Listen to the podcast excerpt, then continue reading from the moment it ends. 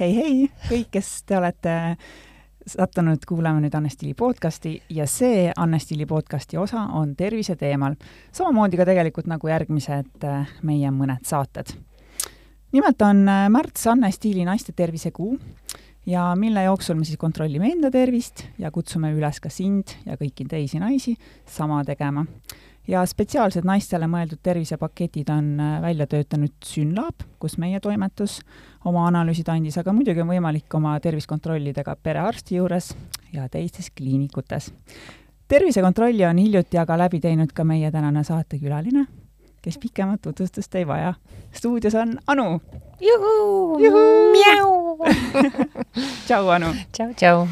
Eh, kuule, kas see on su esimene terviseteemaline podcast, milles sa oled tõepoolest, et äh, ongi, sul on täiesti õigus. ma praegu natukene mõtlen ja kas tõesti minu pika-pika elu jooksul räägin ma esimest korda tervisest ja nii pikalt. aga ja. tegelikult see on ju tähtis teema. aga loomulikult ja veel minu vanuses, halloo. halloo aga enne, kui me lähme füüsilise tervise juurde, millele me tegelikult äh, plaanisime keskenduda, kui me seda tervisekuud planeerisime, siis äh, ma küsin kohe ära, kuidas sa hoiad enda vaimset tervist ja vaimset tasakaalu, sest et äh, mulle tundub, et see on tegelikult praegu märksa olulisem kui see, kui see füüsiline pool, sest me elame mingis tohutus stressi sellises mullis ja, ja juba tegelikult ju teist aastat. Mm. -hmm justkui me mõtlesime, et kõik hakkab mööda saama ja tuleb kevad ja suvi ja, ja läheb kergemaks justkui, siis käis hoopis teine prahvakas ja, ja me oleme taas nagu augus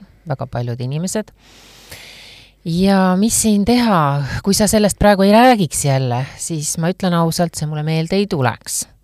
aga see tuleb mulle iga kord meelde, kui ma avan raadio, televiisori, ajalehe äh,, lähen veebi mm,, kohtun tuttavatega ja see tuleb uuesti ja uuesti ja uuesti nagu lainena peale ja see on väga-väga halb tunne kui koroona teemadel ma eriti šokki ei läinud, sest ma mõtlesin, et ähm, kui ma teen kõik nii, nagu peab ja hoolitsen iseenda tervise eest ja mul on üsna tugev immuunsussüsteem, et äh, ma saan hakkama, me peame saama hakkama ja ma tõesti saingi hakkama siis äh, nüüd, kui tulid need äh, muud hullud uudised, siis äh, isegi mina, kes on läbinisti positiivne inimene ja no ma tõesti haruharva lähen totaalselt närvi millegi peale või isegi ma ei kurvasta väga, noh, ma võin kurvastada, kui mu armas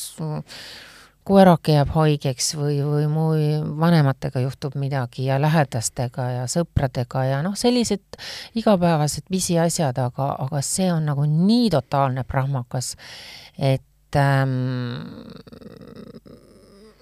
mina kaotasin tasakaalu, tõesti, ma kaotasin tasakaalu. aga järgmine asi, mis sa hakkad mõtlema automaatselt, on ikkagi, et ähm, nii, mida ma teha saan, aga mida ma iseenda jaoks teha saan, et ma pean olema rivis, et ma pean kuidagi noh, ma pean selja sirgu ajama ja ma pean hakkama saama, et ma tahan ju oma lähikondlastele ja oma tuttavatele ka sellist äh, turvatunnet ikkagi ki-, kiirata et ma ei saa olla niimoodi, et ma hoian kogu aeg peast kinni ja räägin, kui halvasti kõik asjad on. et äh, ikkagi prooviks mõelda, et millised need lahendused on ja need võimalused on, siis mina arvan, et täna saavad inimesed äh, väga palju teha üksteise jaoks ka sellega, et äh, number üks, sa ei räägi sellest pidevalt, me nagunii teame seda, me kõik teame, see tiksub meil kuklas, nii ja number kaks, me ei saa jätta oma elu elamata. et seda elu tuleks ikkagi suhteliselt normaalselt püüda edasi elada, teha neid igapäevatoimetamisi, argirutiinis püsida ja mitte langeda masendusse, seda on nii lihtne öelda, seda on nii keeruline järgida. et no mul on erinevad nipid selle jaoks, et loomulikult ma ei lõpeta spordiga tegelemist sellepärast, et ma mõtlen kogu aeg, et kuskil inimesed on parasjagu näljas, võib-olla nendel ei ole midagi selga panna, äh, nad on paanikas, tead, ütlen ausalt, ma ei jäta ka massaaži minemata või iluhooldusesse või maniküüri, pediküüri ja nii edasi.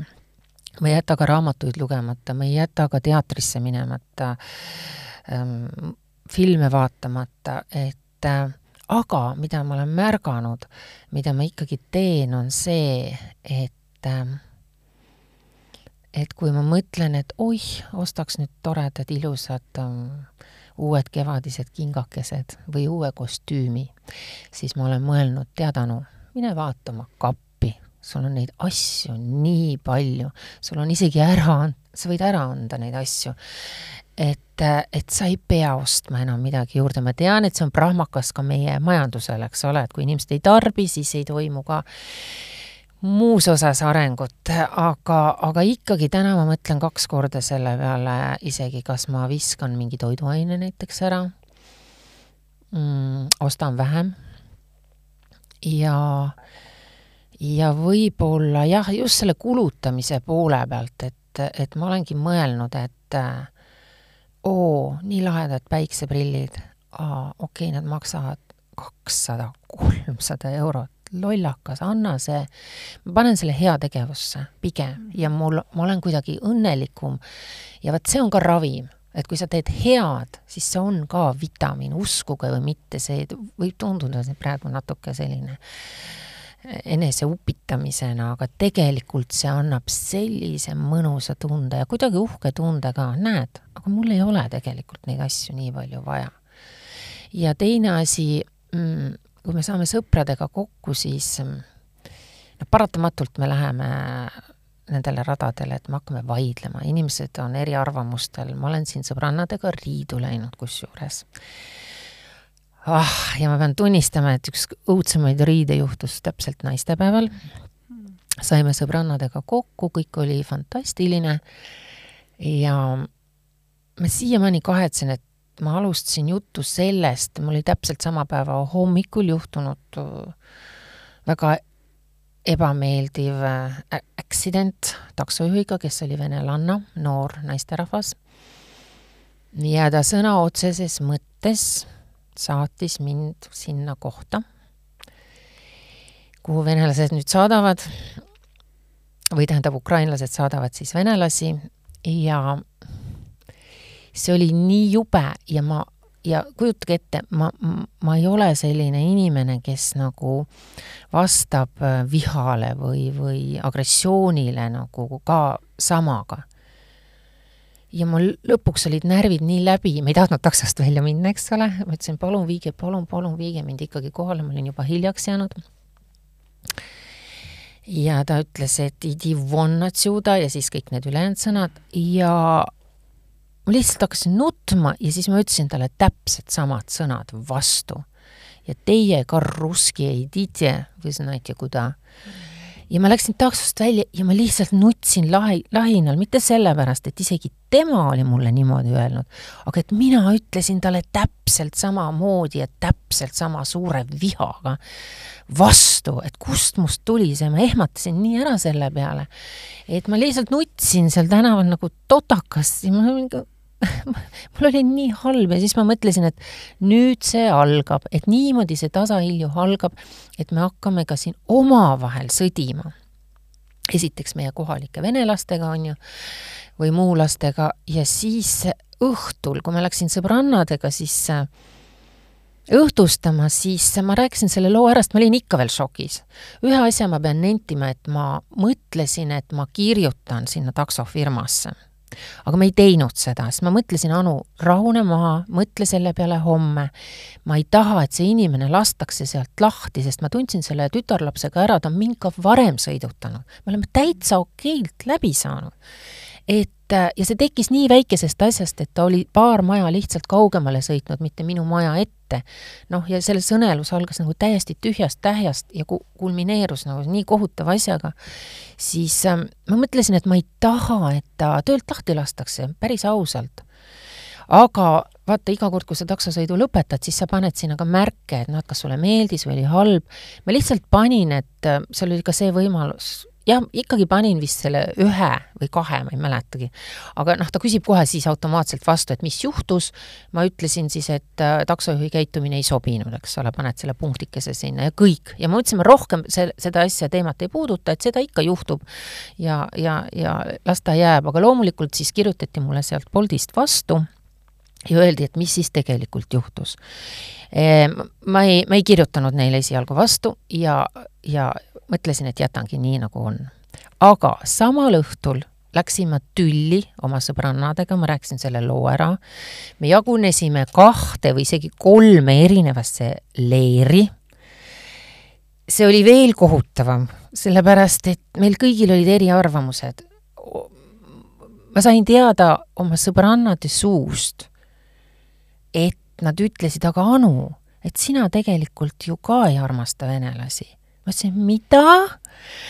ma ei, ma pidin ära minestama, ma mõtlesin, mis mõttes, mul on äh, laps käis vene lasteaias, ma jumaldasin neid lasteaiakasvatajaid, kes seal lasteaias töötasid, ma tõesti jumaldasin. ja ma tänase päevani alati räägin, et seal olid maailma parimad toidud, nad rikkusid mu lapse ära, sest ma ei osanud pärast süüa teha kodus, on ju. ja et nad äh, ravisid teda, ma mäletan, ma olen seda rääkinud varasemalt ka, et lapsel oli kohutav allergia ja arstid kirjutasid meeletul hulgal ravimeid välja, seniks kuni äh, sealt lasteaiakasvataja, siis see kokatädi ütles, et tead, temal on kõriauguni sellest, et, et laps kannatab nii hirmsasti. ja lihtsalt segasid valmis mulle tavalistest maarohtudest tee, et ma saaksin selle lapsele anda. ühesõnaga, seal oli nii palju hoolivust, et ma siiamaani käin vahel sealt äh, lasteaiast läbi ja ütlen tšau äh, nendele kasvatajatele õpetajatele. mu maniküüri on ähm, venelane, mu juuksur on venelane, mu kosmeetik on venelane, mu massöör on venelane, mu koristaja on venelane. ma ei ütleks, et ma neid vihkan, et kui ma neid vihkaksin, siis ähm, no ma ei tea, no siis ma vihkaks neid totaalselt. ja võib-olla ainukene, võib-olla on see olnud, et kui ma olen sõbrannadega kuskil reisil olnud ja seal on väga palju venelasi olnud, mõnes hotellis või puhkekohas on ju, vot siis ma võib-olla olen tõesti öelnud, jälle nad karjuvad siin ja käituvad nagu metslased, on ju. seda ma tõesti võib-olla olen öelnud. aga vaata, mis on jäänud kellelegi nagu meelde. ja nüüd see visati see pall mulle nagu tagasi ja ma sain sellest veel rohkem haiget ja siis ma lahistasin seal, no tore naistepäev, palju õnne meile kõigile, on ju.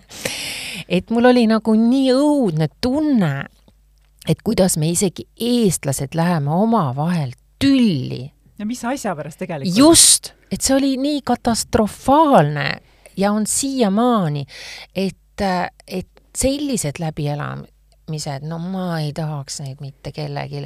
ja siin sa näed, et kuidas sul siis, no mida sa teed siis et mi-, mi-, mida, mis see lahendus siis on, et et sa oled äh, totaalselt endast väljas, ma järgmine hommiku tõusin üles, ma veel nutsin patja mm., mis ju, mida juhtub harva-harva, on ju, et siis ma mõtlesin kohe välja kõik looduslikud meetodid, mis on üldse loodud, et et kuidas ennast rahustada, soe vann, külm dušš, on ju, ja jälle vastupidi, siis mul on hunnik äh, rahustavaid õlisid kodus, hõõrusin rahulikult endale neid sisse, rääkisin selliseid mm, sõnumeid iseendale, et kõik on hästi, elus on kõik suurepärane, näeb, päike paistab ja sul on kõik hästi ja ja midagi hullu ei ole ja, ja ega ma sellepärast nende sõbrannadega riidu ei lähe, me lepime ära, me olemegi tänaseks juba ära leppinud, kõik on väga hästi ja, ja, ja nii edasi, et, et jah, ma tegin selliseid kummalisi protseduure ja võtsin natuke Valdereni ka ja ja nii edasi. et aga ikkagi, et see tuleb puudutama meist igaüht, et olge palun selleks valmis ja mõelge, kuidas te käitute. et enda üle ma olen sellepärast uhke, et ma ei läinud nüüd selle teise vooluga kaasa, et kui ma taksojuhile vastasin samaga siis äh, sõbrannade puhul ma kohe hoidsin laua alt, ma kohe näpistasin ennast hästi tugevasti, on ju. esiteks, et ma midagi vastu ei ütleks ja teiseks, et ma nutma ei puhkeks, sest siis ma tean ka, et noh, siis tekib ka mingisugune nagu noh, see on õhtu ja kõik, kogu see asi oli nagu nii nässus, on ju. et ma nutma ei hakkaks ja ma ütlesin, Anu, Anu, Anu, homme on kõik paremini, homme on kõik hästi, et, et, et ära nagu, ära nagu muretse.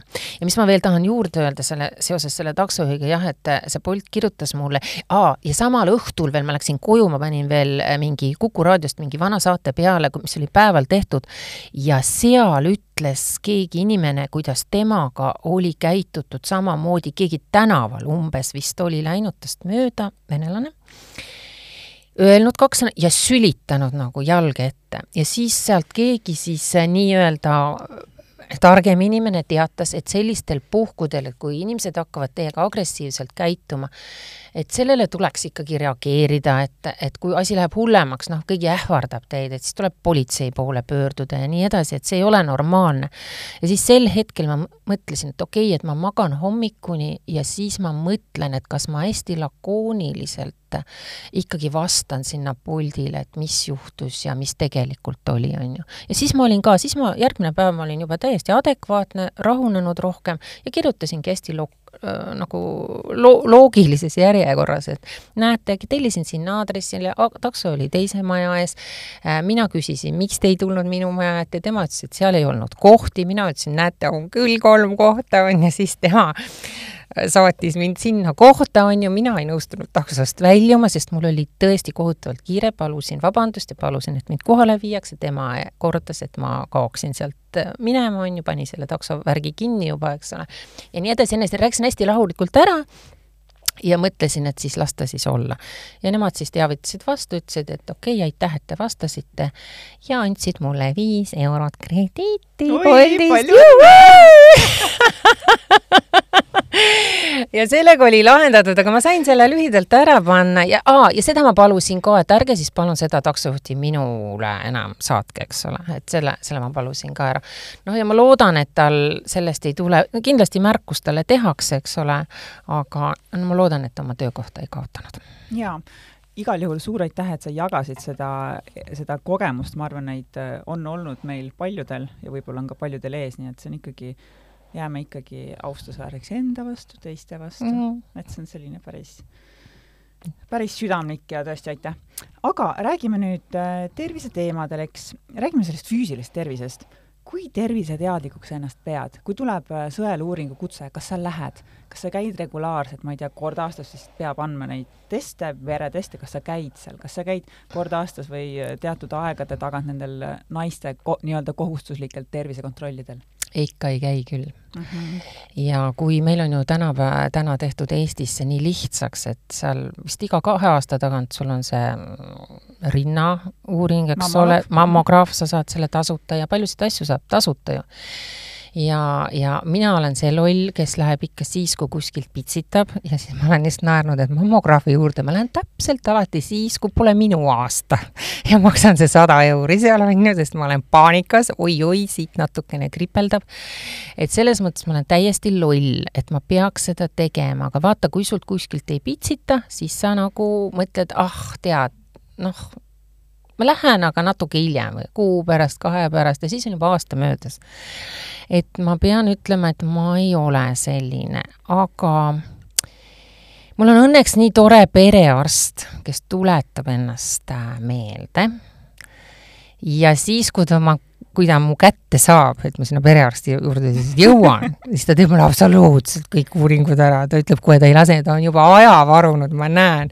ma ise mõtlen, ma korra lipsan läbi, et oo, mul kõrv valutas, mul oli mingi põletik siin, palun noh, vaata, mis seal, mis värk on, ta ütleb ei, nüüd sa jääd siia ja nüüd me teeme sulle kõik analüüsid ja kõik, kõik proovid ära, et, et selles mõttes ta on hästi tore ja ma loodan, et ka paljudel inimestel on sellised perearstid, kes tõeliselt hoolivad ja kes natukene sunnivad sind takka ja piitsutavad. Paraku väga paljudel ikkagi ei ole, et see on ikkagi pigem erand, mis sina räägid, jaa, absoluutselt.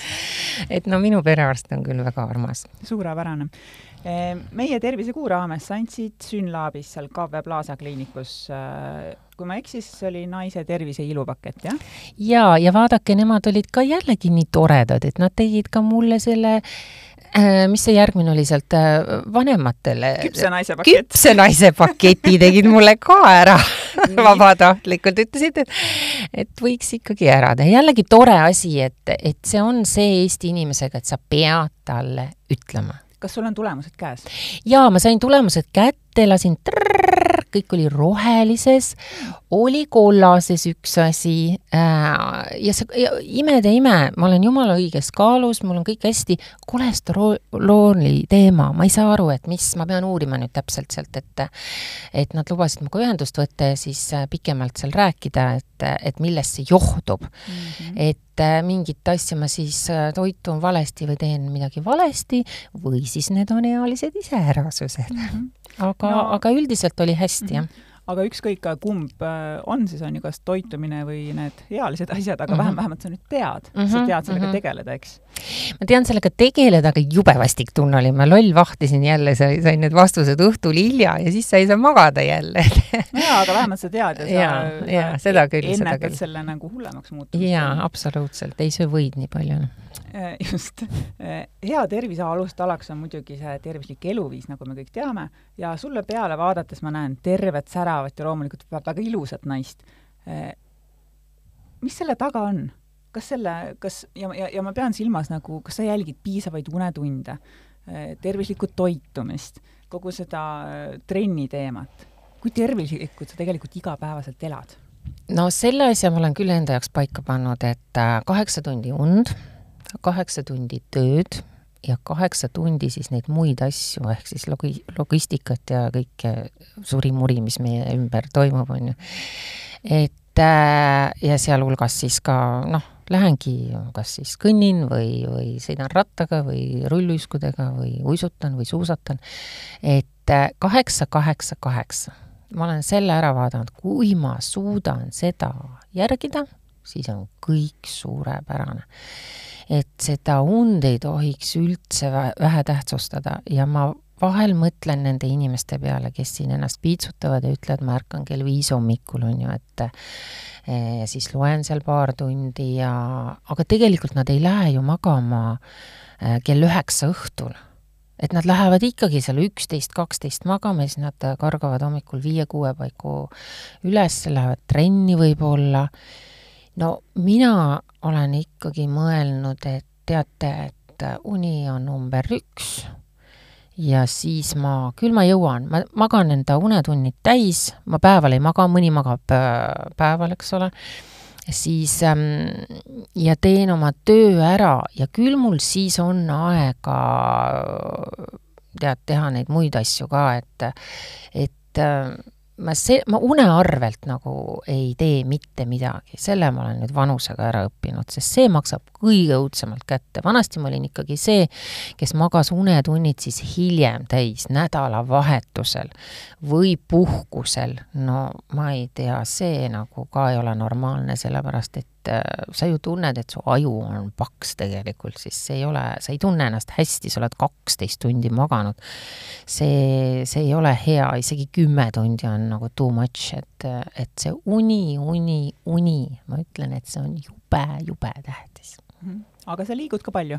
ma liigun hästi palju, et ma tunnen kohe, et ähm, et ma töötan, töötan, töötan siin kaks-kolm tundi, siis ma kohe tunnen, ma sunnin jällegi, ma, ma näen, et ma jõuaksin veel nii palju asju ära teha, et ma olen sellel töölainel, aga ma kohe sunnin ennast püsti tõusma ja, ja kuna ma töötan siin väga hea koha peal, Narva maantee ja Jõe tänav ja Ahtri tänav on siin lähedal, Reidi tee algab siit kohe, ma tõmban tossud jalga vahepeal ja lähen, kütan selle imelise tee sinna Piritale ja tagasi ära ja sellest juba piisab.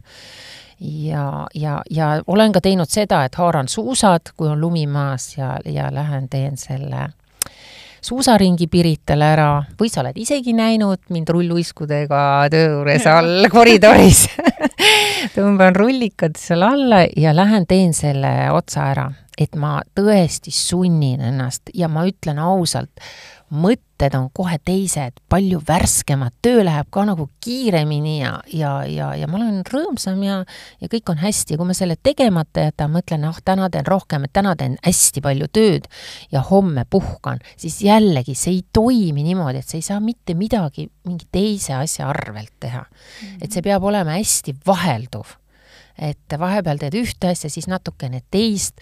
Ja inimesed, teate mis, ma mõtlen seda ka, et vahel ma ei lähe sinna Reidi teele jooksma ega uisutama, siis ma lähen lihtsalt istun kohvikusse ja räägin mõne inimesega juttu, tühjast tähjast, ükskõik millest. Ja mina mõtlen, et see on selline nagu ajule puhkuse andmise moment, et see ei ole sugugi vähem oluline. vanasti mul on olnud aastaid, kus mul ei ole aega olla, et lähme kohvile, joome kohvi ja räägime. mida, mis asja? Lolliks oled läinud, kolmapäev on, kell on üks päev, mul ei ole aega sellise asja jaoks täna ma olen avastanud, ma ei tea, see on koroonaga tulnud, sellepärast et enam ei ole ka neid kontoris istumise kohustuslikke aegu. Ja seda ei oleks tohtinud mitte mitte kunagi olla, ma olen seda alati korrutanud. Vanadest aegadest, kui ma olen eelnevates kohtades peatoimetajana töötanud, siis ma andsin alati kuidagi nendele töötajatele vabaduse, et nad läheks vähe, vahepeal välja, et nad tšilliks ringi kuskil, et nad kõnniks ringi, saaks inimestega kokku, sest see on ka see, mis annab seda energiat ja hoiab sind terve mõistuse juures. ja, ja seda ma nüüd praktiseerin ka, et et, et ma lihtsalt võtan selle hetke, tunnikese ja lobisen, ma võin täiesti, kui ma lähen üksi, ma võin täiesti suvaliste inimestega lobiseda ja ma saan sellest nii palju head energiat. jaa, aga kuidas toitumisega on? Kas ikkagi, kui sa lähed sinna kohvipausile, kas sa võtad ikkagi latte või magusa kakao või ei, mina joon musta kohvi kusjuures mhm. ja viimasel ajal siis kaerapiima panen ka, sest mulle see kaerapiim nii kohutavalt maitseb. Mhm. aga, aga muidu musta kohvi, sest kui ma võtan magusa saiakese, seal on juba suhkur, siis ma luban selle saiakese mitte iga päev aga paar korda nädalas ma justkui nagu premeerin ennast, et kui ma olen teinud jube hästi mingi asja ja kuidagi saavutanud midagi, siis mul on üks teatud kohvik, kus mul on lemmiksaiakesed ja lemmikkohv ja siis ma premeerin ennast ja võtangi selle pehme, mõnusa kaneelisaia või sahvranisaia või pistaažiasaiakese ja söön selle ära ja teate sellised asjad, millega sa ennast premeerid, need kuidagi, nad on nii head su vastu, et nad ei ladesta mitte kuhugi, ausõna mm. -hmm. tundub, et sa armastad ennast ja hoolid ja, endast. okei okay.. aga mu tavaline, võib-olla inimesed on küsinud ka, et mida ma tegelikult söön, siis ma söön hästi palju avokaadot ikkagi, noh, see klassika, lõhet, puhast lõhet mul on eraldi mm, Arsenalis siis see kalapood, ma teen nüüd reklaami natuke, seal on hästi puhas, puhas, puhtad tooted ja, ja kala, avokaado, täisteraleib vähese või mitte üldse suhkruga. piimatooteid ma palju ei tarbi, ei tarbi üldse tegelikult, vahel mul on hirmus kohukeseisu, aga siis ma võtan seda kohukest tumeda Belgia šokolaadiga. ja selline on olemas ja ta müüakse häbematult vähestes kohtades ja ma ei saa kahjuks öelda, kus seda müüakse, sest see on ka sealt pidevalt otsas. ja siis ähm, ja ma jah, ma armastan salateid ja ma ei lase nendele salatitele kunagi panna selliseid ähm, kooreseid äh, kastmeid, kui siis maks oliiviõli ja balsaamiku.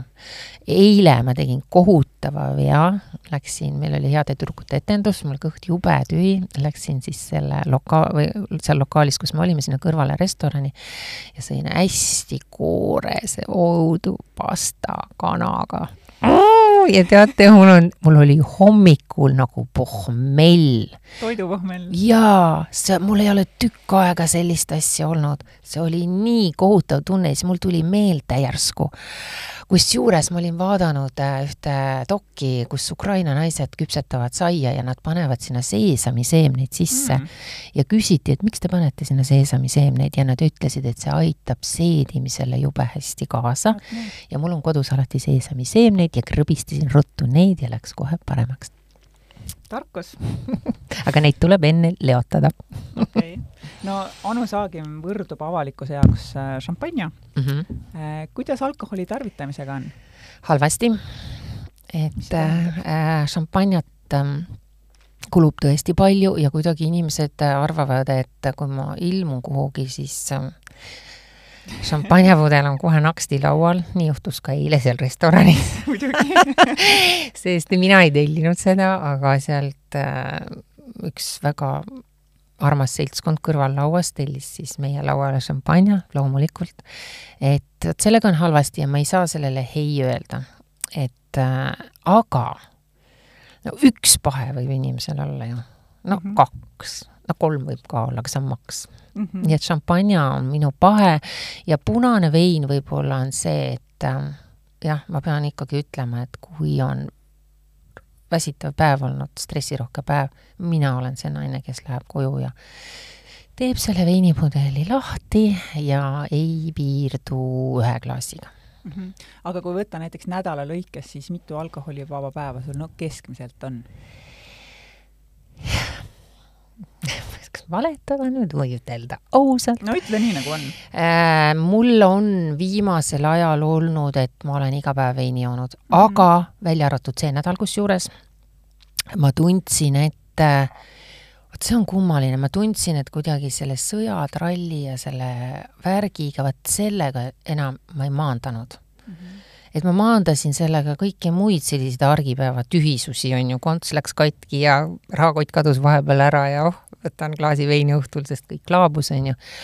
aga praegu ma, ma ikkagi arva, armastan õhtul kõik uudised ja sellised äh, asjad üle vaadata ja teate, mul, mul, mul päris ausalt, mul käsi ei tõuse selle veiniklaasi järgi, mul läheb süda pahaks mm. -hmm. naljakas, et see on ka mõjunud psüühikale või noh, me võime siin öelda, et see on positiivne, on ju, aga ei ole seda, seda isu, sest ma tunnen, et see ei maanda, et mul on parem olla selge peaga. igaks juhuks mm? -hmm. Mm -hmm. see on hästi hea tähelepanek. Anu, kas ilu algab seestpoolt? No toidust kindlasti, see tähendab, et ta algabki seestpoolt, aga ta algab ka peast, headest mõtetest. et, et ei tohi kuri olla, sest mina arvan, et kõik on kirjutatud sulle näkku mm. -hmm. ja ei ole sugugi ju tundmatuse ütelus, et noh, sa vaatadki mõnele inimesele otsa ja, ja sa ütled ta on nii kuri või ta, ta on nii ma kardan teda natukene, et ta on, noh, see ongi inimesele näkku kirjutatud, tema iseloom, tema mõtted, tema suhtumine, tema sisemine mina, mida ta püüab võib-olla varjata, see, ma loen seda näost ikkagi välja, näojoontest, silmavaatest, et sa, sa, sa loed selle välja, sa loed, inimene ei saa teeselda, kuidas tema suu liigub, ta ütleb ühte, aga suu teeb hoopis oma, omi liigutusi seal ja, ja, ja silmad, silmad, silmad. et inimesed, ärge olge kurjad, et isegi kui kõik on õudne, õudne, õudne ja kõik on nii halvasti ja keegi ütleb ka teile halvasti, siis ma kuidagi taandun ja ma mõtlen selle inimese peale niimoodi, mõtlen, issand, tal on kindlasti midagi väga halvasti. Noh, ma rahustan ennast sellega, mis ei ole ka võib-olla normaalne. et järsku tal pole oma elus kõik asjad ikka hästi, et midagi on vinks-vonks seal, et, et ma tunnen kaasa pigem. ja siis nagu läheb see kurjus läheb ka iseendast välja mm Anu, sinuga on väga mõnus vestelda, aga ma tean, et sul on väga kiire hetkel. Yeah.. ja ma soovin äh, kõikidele kuulajatele ja ma soovin ka tegelikult sulle headust, vastupidavust ja selliseid äh, mõnusaid hetki iseendaga, sest et äh, nädalavahetus on ees, me kõik saame panna korraks ekraanid kinni, helistada võib-olla kellelegi äh, armsale inimesele, kellega ei ole ammu suhelnud, rääkida lähedastega, minna õue sest kevad ikkagi tuleb sellel aastal ka mm. -hmm. ja ärge tülitsege omavahel, ei perekondades ega sõpruskondades ja töökeskkondadest rääkimata, et jäägem rahulikuks. ja, ja teeme head endale, et siis me saame ka teistele teha, eks? just nii aitäh, Anu! aitäh, aitäh, kuulajad! see oli Anne Stiili podcast. mina olen jätkuvalt Mari-Liis ja meie sinuga kuuleme jälle varsti. tšau!